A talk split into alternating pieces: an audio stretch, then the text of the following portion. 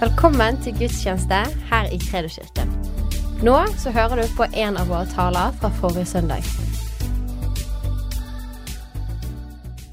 Det har jo vært, en, eh, eh, det har vært et fokus på familie, relasjoner og Guds plan. Og eh, dette her på en måte går inn i, i den serien der. Og mitt fokus i dag det vil være å bygge ditt hus og Guds hus. Det er overskriften. Så hvis, der har vi en eh, på veggen òg. Skal vi se om vi klarer å koordinere alt dette på en god måte. Og eh, jeg har lyst til å først bare lese fra først andre krøniker 7.11 og 8.1. Salamo fullførte alt det som var blitt lagt ham på hjertet å gjøre i Herrens hus og hans eget hus, og han hadde stor framgang. Da de 20 årene var omme, de årene Salamo hadde bygd på Herrens hus Han brukte syv år på det, og sitt eget hus Han brukte 13 år på det. Da bygde, Og så begynte han å bygge på byene. Men det var dette uttrykket det var at eh, Kong Salamo i Det gamle testamentet han fikk oppdraget fra sin far om at han skulle bygge tempel. Men eh, så eh, Fordi David han fikk beskjed du skal ikke gjøre det selv, men sønnen din skal gjøre det. Så han hadde samla inn en god del penger og økonomi og, og samla opp for at huset skulle bygges. Og så fikk eh, Salomon dette oppdraget, at han skulle bygge Guds hus.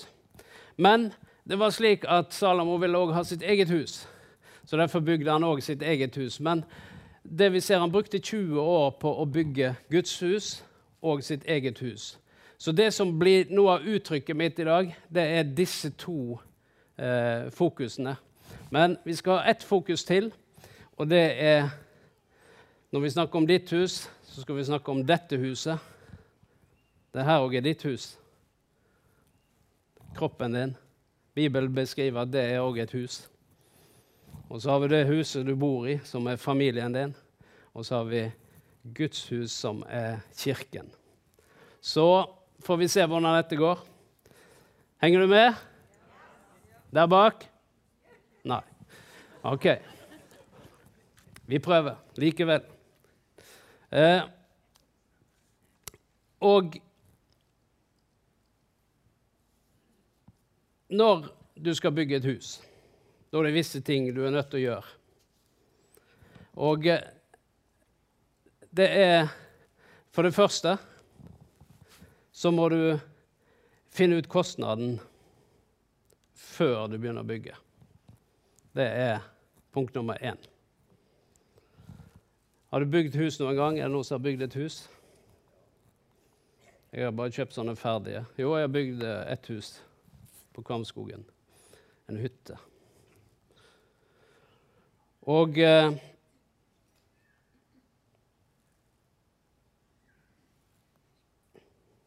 Så vi får alt dette til å virke, så jeg kan henge med òg.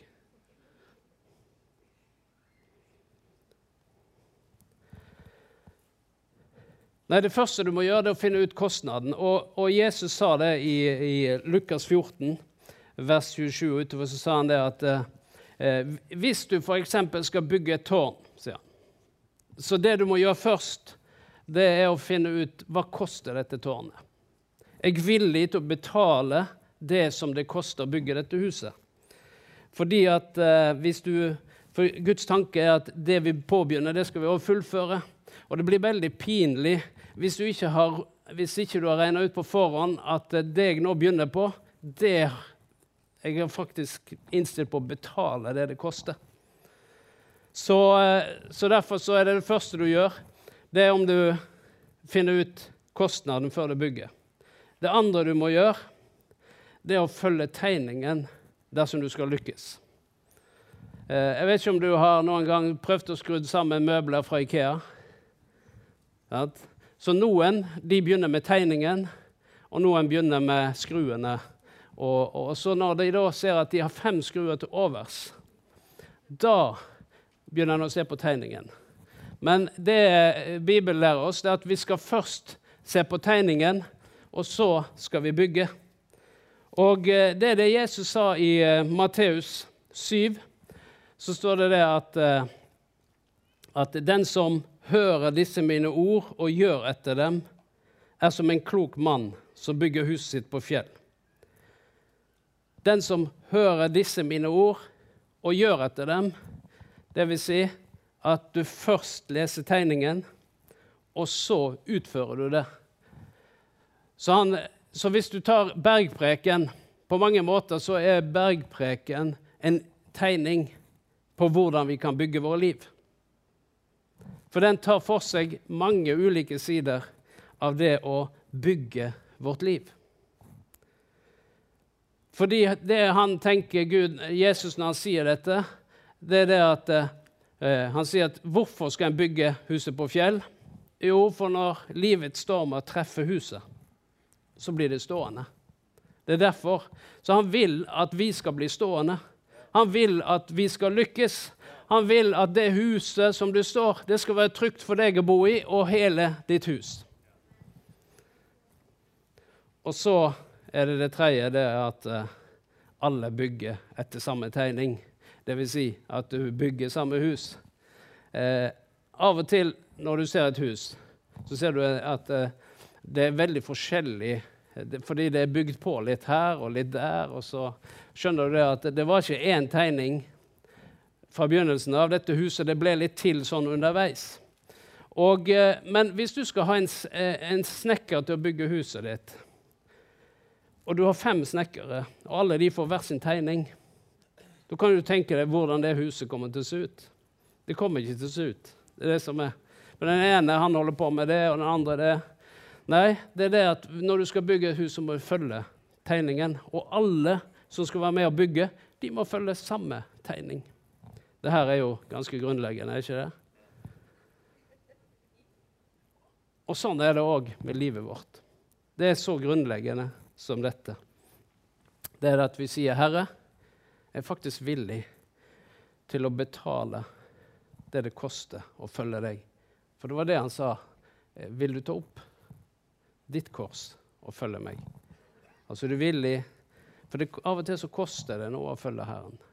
Av og til blir du stilt på valg, og da velger vi det som uh, Bibelen viser vei, ifølge tegningen som Jesus har lært oss. Så nå skal vi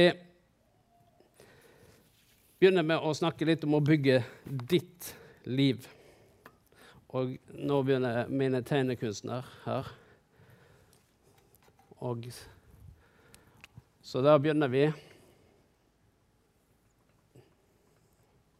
Et hus her. OK? Ditt liv. Og eh, bare så du skal se forskjell på husene, så må vi ta litt sånn. For det kommer flere hus. Jeg skal bygge, Det er tre hus jeg kommer til å tegne der. Eh, så du må bare henge med. Fordi når jeg nærmer meg slutten, da begynner jeg å forstå hva jeg holder på med. Akkurat nå så skjønner du ikke helt hva han holder på med, men når jeg kommer litt lenger ut, så kommer du til å forstå det. Da aha! Så du må vente på denne aha-opplevelsen. Men eh, som vi sa, at eh, det Jesus lærte oss, det var at vi måtte bygge huset vårt på fjell. Vi tar neste slide der. Så, eh, så den instruksjonen på hvordan vi skal bygge, det ser vi i hele Guds ord. Det nye testamentet, men spesielt bergpreken gir sånne pekepinner på hvordan vi kan bygge. Så når Jesus sier 'hvis du gjør etter disse mine ord', så er det akkurat etter han har undervist bergpreken at han sier det. Så vil det gi et fundament som gjør at livet vårt kommer til å stå i, i ulike stormer. For I bergenpreken der snakker han om overgivelse, om å være lys og salt, tilgivelse, om å gå en ekstra mil, om å velsigne og ikke dømme. Han lærer oss å be. Han sier at vi skal stole på Gud og ikke være bekymra for morgendagen. Og hvor din skatt er, der vil ditt hjerte være. Det er ganske mange ting han er innom på disse kapit tre kapitlene her. Og ingen kan tjene to herrer, sier han. For enten du, du, du kan ikke tjene både Gud og mammon eller penger. Så han, hele tiden så utfordrer han oss på hvor, hva vi bygger livet på. Og hvis vi tar med det inn når vi bygger dette huset For hvorfor kaller jeg dette et hus? Jo, fordi det står at vi er et tempel for Den hellige ånd. Et tempel, det er et hus. I Det gamle testamentet så bodde Gud i tempelet, fysisk, én plass i Jerusalem, eller i tabernaklet når de tok det rundt. Eh, men etter at Jesus døde og opp igjen, så flytta Gud inn i de som tok imot han. Så sier Gud at vi er tempel for Den hellige ånd. Og når vi er tempel for Den hellige ånd, så er det slik at da skal vi bygge dette huset. Og da må vi følge tegningen etter hvordan vi bygger dette huset som eh, Jesus eh, har fortalt oss hvordan vi skal bygge. Og så er det òg slik at når vi er tempel for Den hellige ånd, så skal vi òg leve et liv som gjør at eh, livsstilen vår er i Gud. Slik at det vi holder på med, det er du stolt av, og det er Gud stolt av. Og hvis du er stolt av det, og Gud er stolt av det, så kommer eh, familien din til å være stolt av det, vennene dine er stolt av det. Det er sånn ting henger sammen. Og så fordi det som er det, at hvordan vi lever våre liv, det handler ikke bare om oss selv. Fordi vi lever i et samfunn hvor alle ting tar utgangspunkt i meg selv. Alt handler om meg. Og plutselig så er det sånn at Gud er ikke sentrum for skapelsen. Nei, jeg er sentrum for skapelsen. Det er det som er, er det samfunnet vi lever. Det at alt handler om meg. Har jeg noe utbytte av dette? Har jeg noe fordel av dette? Og nå ble jeg såra. Og nå sår jeg den. Og nå gjorde jeg det. Og alt er meg, meg, meg, meg, meg. Så rundt oss selv er hele fokuset i samfunnet i dag.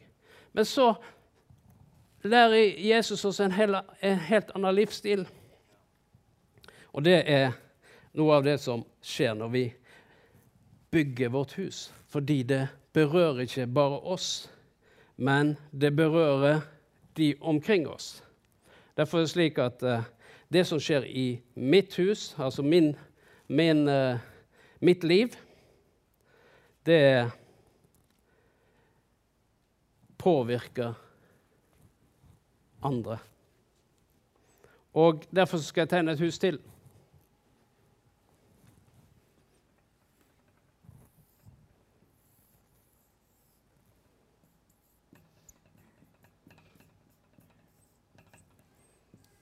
Så må vi se litt forskjell på det.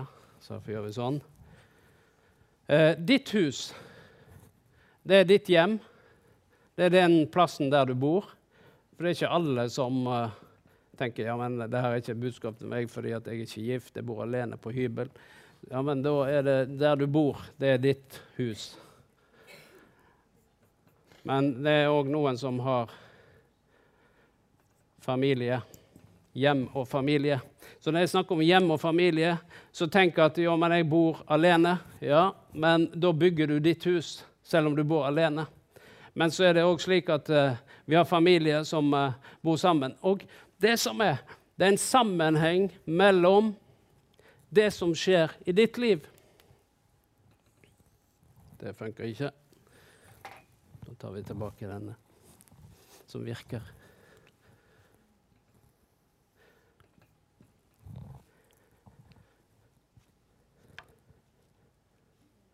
Det er en sammenheng mellom det som skjer i mitt liv, det påvirker min familie. Det påvirker mitt hus. Og derfor så er det noen ganger å tenke at ja, men dette gjelder jo bare meg. Nei, det, vi, det som skjer når, når, åndens frukter, når Gud får virke i våre liv, så påvirker det hele huset. Når kjøttet vårt, det gamle mennesket, får påvirke hele mitt liv, så virker det òg på hele huset. Det blir dårlig stemning i heimen når jeg er i dårlig humør. Det er jeg veldig sjelden, men det hender at til og med jeg blir i dårlig humør. Ja, men Er ikke du pastor? Jo da. Men til og med pastor noen ganger kan være i dårlig humør. Da er det sånn at hvis jeg er i dårlig humør, så påvirker det de også rundt meg. Sånn er det jo ikke med deg. Sant? Men nå er jeg veldig ærlig at det er sånn med meg. Men jeg vet at du kjenner deg igjen, for du vet hvordan det er. Og Derfor er det så viktig når vi bygger vårt hus, at vi da tenker ja, hvis jeg bygger mitt hus, mitt liv, så bygger jeg også mitt hus og min familie. I Josfa 24, 15, så sier Josva, Jeg vil bygge mitt liv. Nei, han sier ikke det. Han sier, 'Jeg og mitt hus vil tjene Herren'. Så plutselig så ser du denne koblingen mellom meg og mitt hus. Vi skal tjene Herren. Og når han sier dette, så utfordrer han hele Israel. For det her skjer i Sikhem. Han utfordra hele Israel fordi at eh, noen av israelittene hadde tatt med seg eh, forskjellige skikker og avguderiv fra Egypt. Og andre de hadde tatt med seg ting fra det landet som de flytta inn i. Fra de som bodde der før. Og noen hadde tatt med helt tilbake fra slekten til Abraham noen avgudegreier som foregikk der. Og plutselig så, så han at midt i menigheten så foregikk det forskjellige eh, dyrking av forskjellige ting. Så da stiller Josfa seg fram, og så sier han nå må dere velge hvem dere vil tjene. sier Han Han utfordrer hver enkelt en. Og så sier han men én ting skal dere vite, at jeg og mitt hus, vi vil tjene Herren. Og da våkner folket til, og så sier de det. Ja, men vi òg vil tjene Herren. Nei, men dere kommer ikke til å klare det, sier Josva. Dere kommer ikke til å klare det. Jo, vi vil klare det. Vi vil tjene Herren. Så på en eller annen måte så skjedde det en vekkelse der i Israel. Når Josva gikk fram og sa at fra nå av skal dere vite én ting. Ok, Dere kan tilbe hvem dere vil for meg, men én ting er sikkert, at jeg vil tjene Herren. Og det skal også hele mitt hus gjøre. Så Derfor er det slik at eh, når Gud gjør noe i våre liv, så påvirker det huset vårt. Det påvirker hjemmet vårt. Positivt eller negativt. I Apostelens gjerninger eh, kapittel 10 der står det om en mann som heter Kornelius. Du har hørt kanskje om Kornelius. Han eh, var i den romerske armeen og hadde en, en viktig stilling der. Og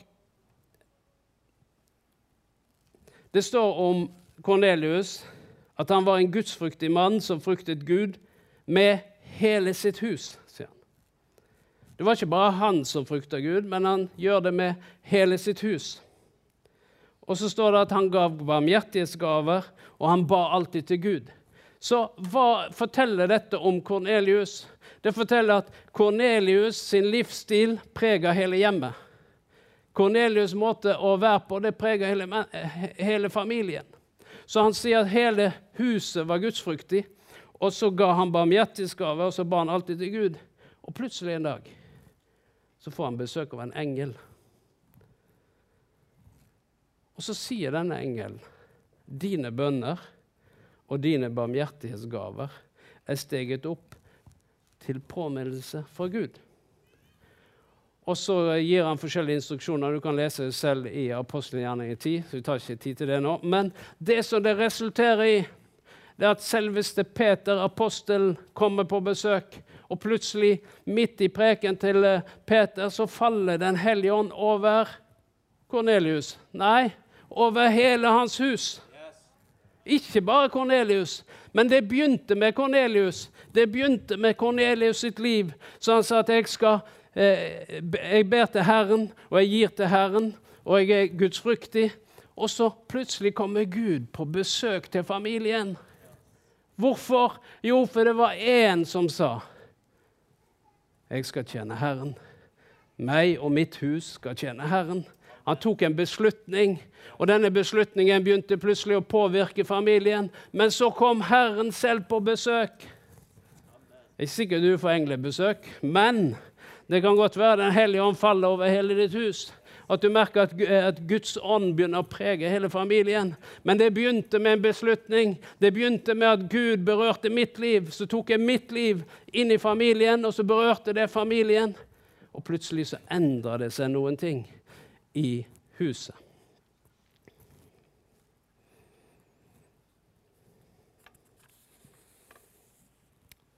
Så når vi bygger vårt hus, så jeg skrev noen punkt her. Bygg huset ditt på Guds ord og kristne verdier. La Bibel og bønn være naturlig. For det, er det kan vi lære av Kornelius. Og så har jeg her Gjør søndag i kirken til ukens høydepunkt. Ai, tenk det. Å, vi skal til kirken. Vi skal til menigheten. Og gjør det til et høydepunkt. Og det å gi tiende og det å gi til Guds rike og bygge Guds kirke, det hører òg med til det å bygge ditt hus. Du vet, sabbaten og tiende det kom lenge før loven. Når kom sabbaten? Nå ble sabbaten innført allerede ved skapelsen. Og så sa han den ene dagen i uken den skal være innviet Gud. Og så, når du kommer til kapittel 14 i første eh, Mosebok, så er det Abraham som sier at han ga Gud tiende av alt. Hva betyr det? 10% Så det er to ting som Herren sier når du skal bygge huset ditt. Det ene er den ene dagen i uken. La det være din hellige dag. La den være innvie Herren. Da, hva gjør en da? Da tar en familien med seg, og så går en til Guds hus. Så da kommer det et hus til. Det er Guds hus.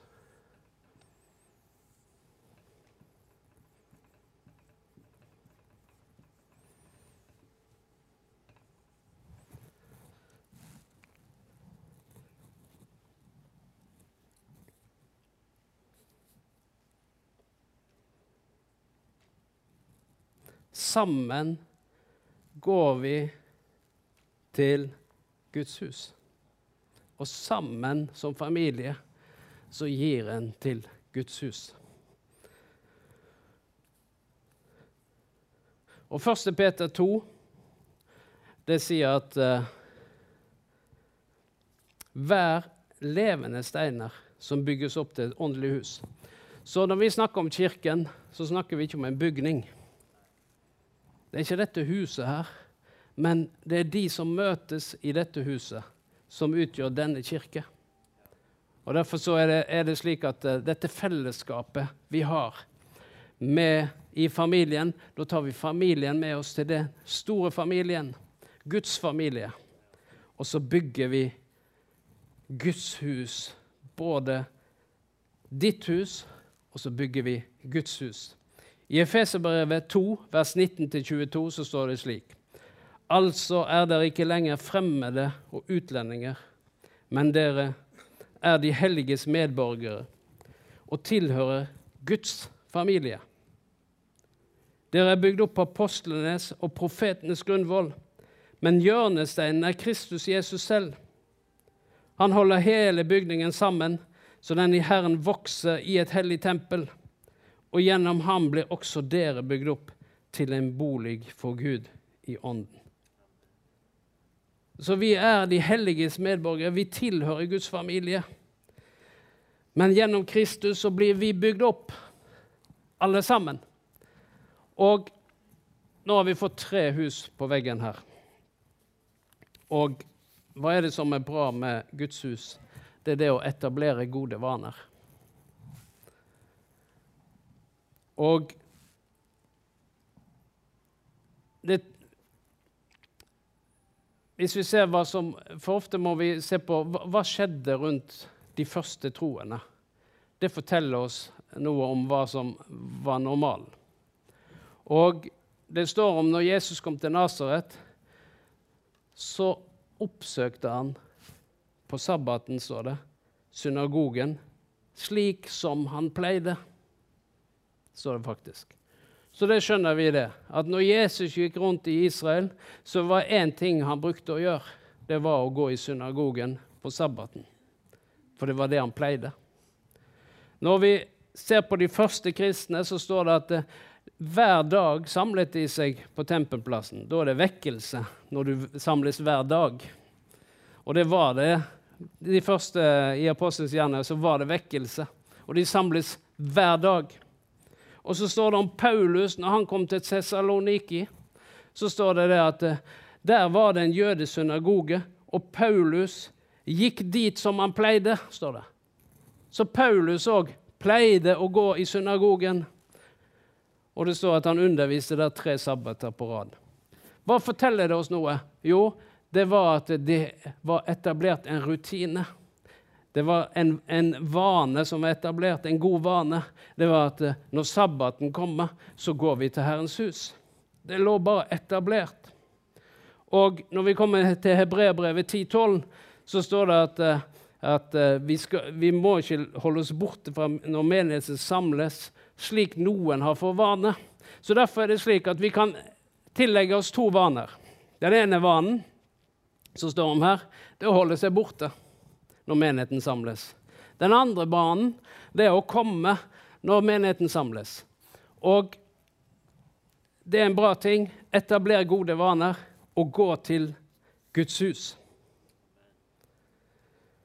Det andre det er å gi til Guds hus. Vi, vet om, vi snakket om tiende i sted. Det tredje det er å tjene i Guds hus. Det er å gi av vår tid. Det er å være med og tjene på en eller annen måte i menigheten. Det er òg en god vane. Og det vi ser, det er det at ditt liv det påvirker ikke bare din familie, men det påvirker òg denne veien. Og hjemmet ditt. Men det er slik at eh, hvorfor, Hvordan henger dette sammen? Jo, det er det at når vi kommer til Guds hus, så kommer vi under Guds ords forkynnelse, der det er lovsang, der det er fellesskap.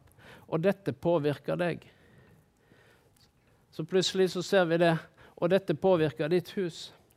Og når Gud Når du ser gjennom Skriftene, så ser en at disse tre områdene her, de jobber alltid sammen. Mens når vi ser på det samfunnet i dag, så vil en gjerne adskille dette fra hverandre og si at familien vi, ja, vi holder på med dette. Eller individet nei, jeg holder på med dette. Og så, Når en da kommer til menigheten, så er spørsmålet i familien skal vi gå til menigheten i dag. Nei, men det er jo fullstendig, Da har du jo allerede bomma der. For familien, hva er det? Jo, det er din familie. Men hvis du da tenker 'skal jeg gå til', så tenker du at dette er et hus. Men det er jo familien som treffes. Og derfor så og Av og til så hører jeg at ja, dere der, dere der oppe. Og så tenker jeg dere der oppe. Eller dere og plutselig så snakker han om menigheten i, i tredjeperson.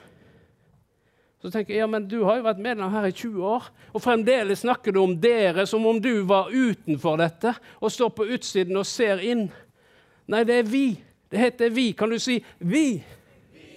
Hva heter din familie?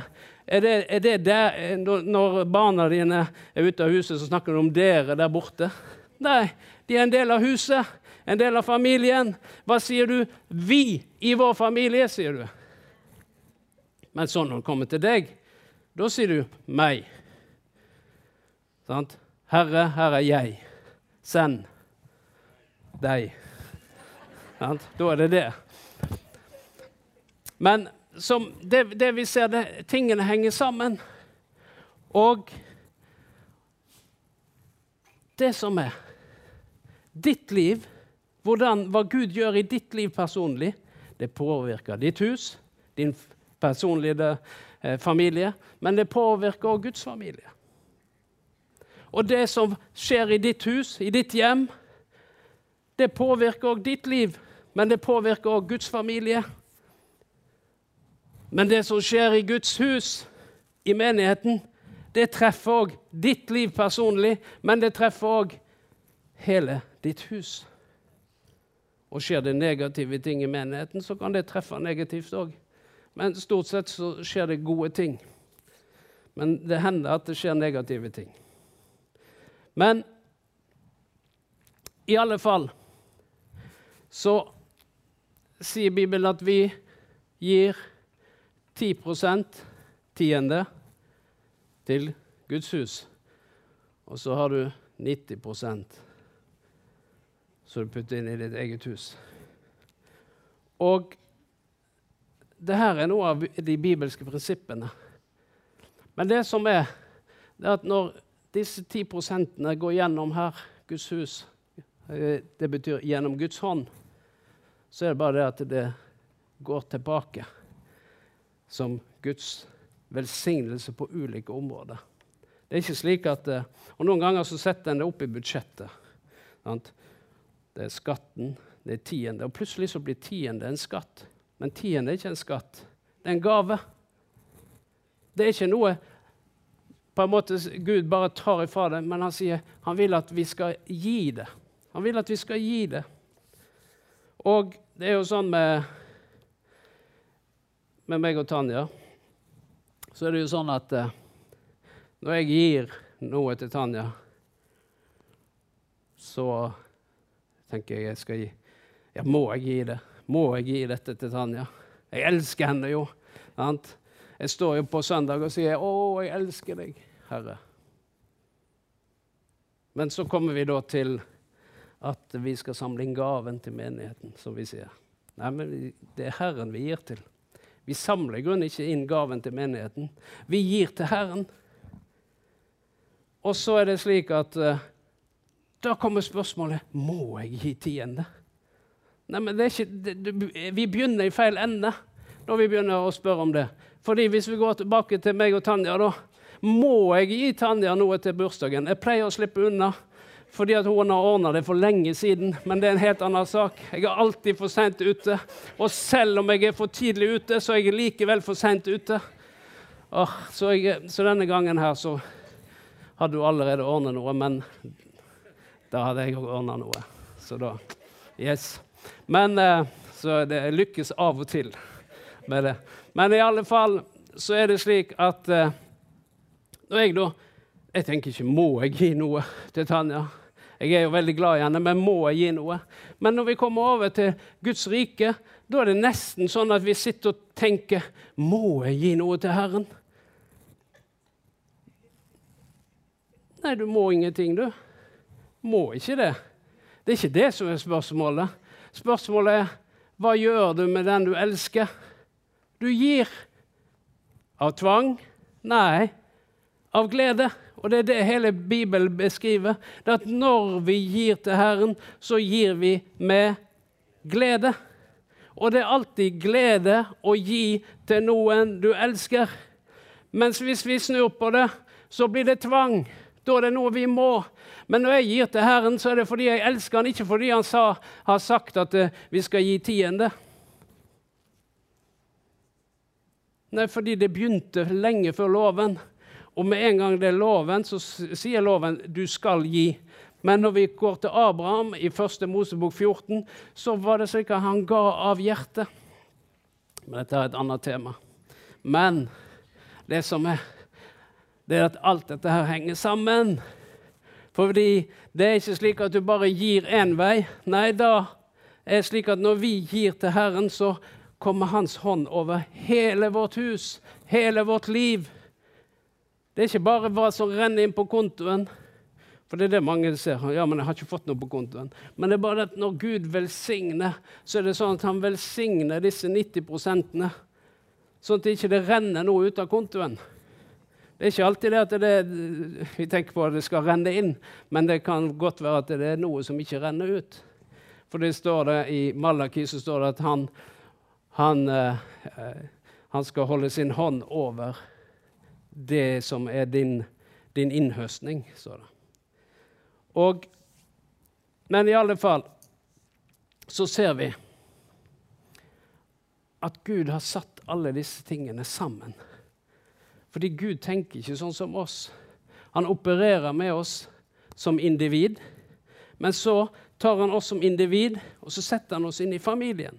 Og så opererer han samtidig med oss som en hel familie. Og så tar han familien og individet og putter inn i den store familien, sin menighet. Og så jobber han med oss alle sammen. Slik at hans rike skal gå fram. Og jeg tror at uh, vi Jeg prøver bare å beskrive litt av dette bildet av at når Gud bygger, så bygger han vårt liv. Han bygger vårt hus, han bygger sitt eget hus. Og han lar dette knytte det sammen.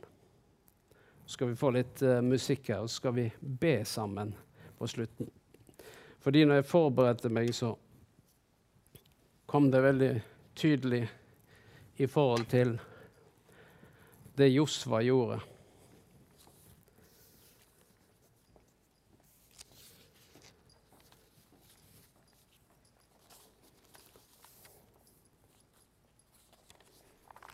Han eh, sto foran folket, og så sa han det at meg og mitt hus skal tjene Herren.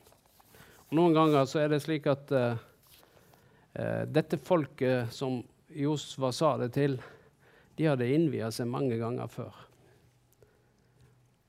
Men de måtte gjøre det en gang til. De måtte ta en runde til.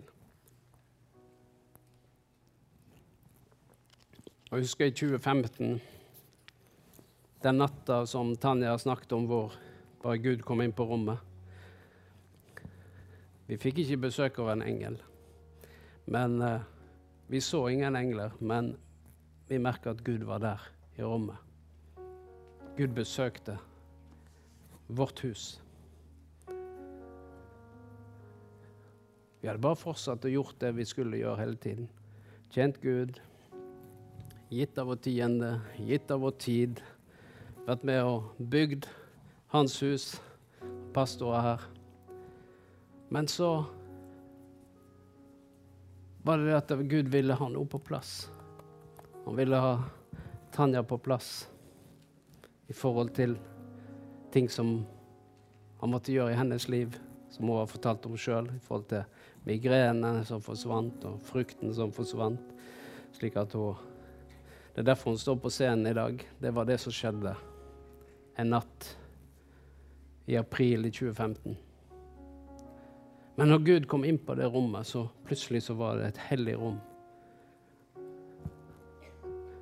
Det var sånn som når Moses så denne brennende busken, så sa Gud til han ta av deg på beina fordi stedet du står på, er hellig. Og det var sånn hellig grunn. Og da merker vi, Herre, vi må fornye vår overgivelse til deg.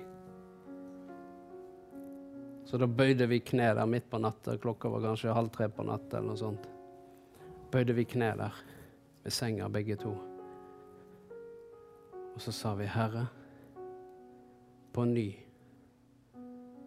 så vil vi overgi vårt liv til deg. På ny vil vi innvie oss til deg, Herre.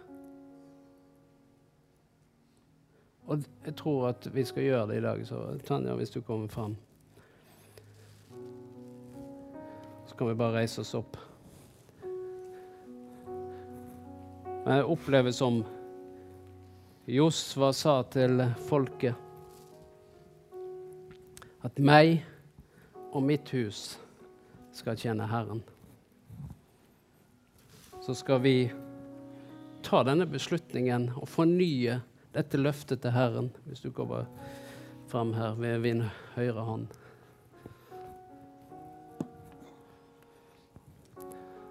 Og eh, hvis du eh, Står der med kona di, så kan du ta henne i hånda.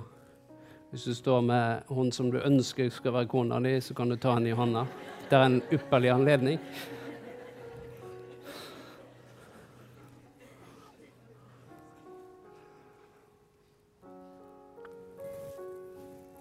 Men eh, om du eh, ikke står med kona di, eller du står alene, så eh, det kan du gi samme samme løfte til Herren. Det er det at uh, For jeg tror vi, vi, er i en tid hvor uh, Herren sier kanskje at det er noen ting en må legge bort. Det er ikke sikkert en må legge bort noen ting engang. Kanskje det er bare det at en må fornye og si, 'Herre, jeg er villig til å betale det det koster.' Og jeg skal følge tegningen som du har gitt oss, ditt ord. Og så skal vi bygge dette huset sammen. Som mann, som hustru, hele familien. Skal vi gjøre det sammen. Det handler om familie, relasjoner og Guds plan. Det å bygge ditt liv, bygge ditt hus, ditt hjem, og bygge Herrens hus. Og si at ja, alt dette henger sammen. Så vi takker deg, Herre. Nå står vi her, Herre, på hellig grunn akkurat nå.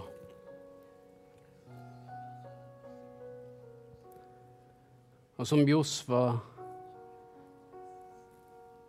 forkynte for Israel, så forkynner vi i dag at jeg og mitt hus skal tjene Herren.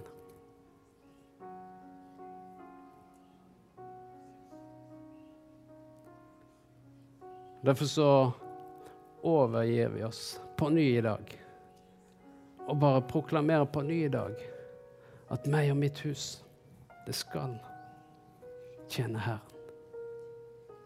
Vi takker deg, Herre. Vi takker deg, Herre, at du virker på våre beslutninger.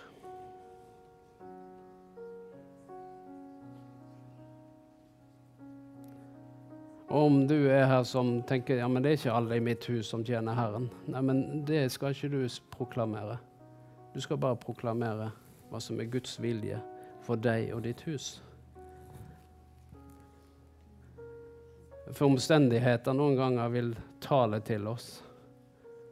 Og så vil de tale til oss på en slik måte at vi endrer bekjennelsen i vår munn. Men Bibelen sier at vi skal holde fast ved bekjennelsen, for Han som gav løftet, er trofast. Og da er det å ta fram igjen den bekjennelsen som sier at meg og mitt hus, det skal tjene Herren. Det gjelder for alle mine barn skal være opplært av Herren. Og mine barns fred, det skal være stor. Det står det òg i Skriften.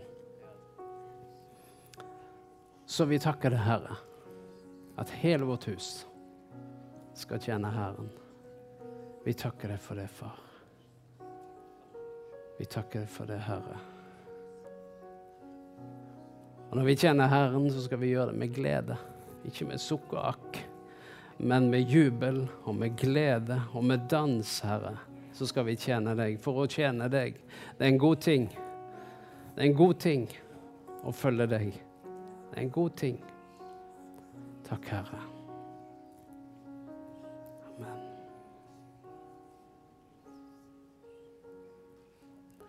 Du vet, Noen ganger så kan, det, kan, vi si sånn Ja, du som vil kjenne Herren, kom fram. Men jeg vet at alle dere vil kjenne Herren. Så derfor så bør ikke vi be noen fram akkurat nå. For jeg vet at alle dere vil kjenne Herren. Så himmelske Far, vi bare takker deg.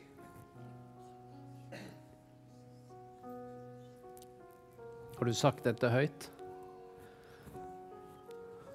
Har du bekjent dette for deg sjøl, for ditt eget hus? Tror du har gjort det. Så Herre, nå ber vi, Herre, at du stadfester ditt ord, Herre. Du bekrefter i tiden som kommer, Herre. Vi takker deg, Herre. Derfor ber jeg, far, at du i dette så skal du fornye hele huset.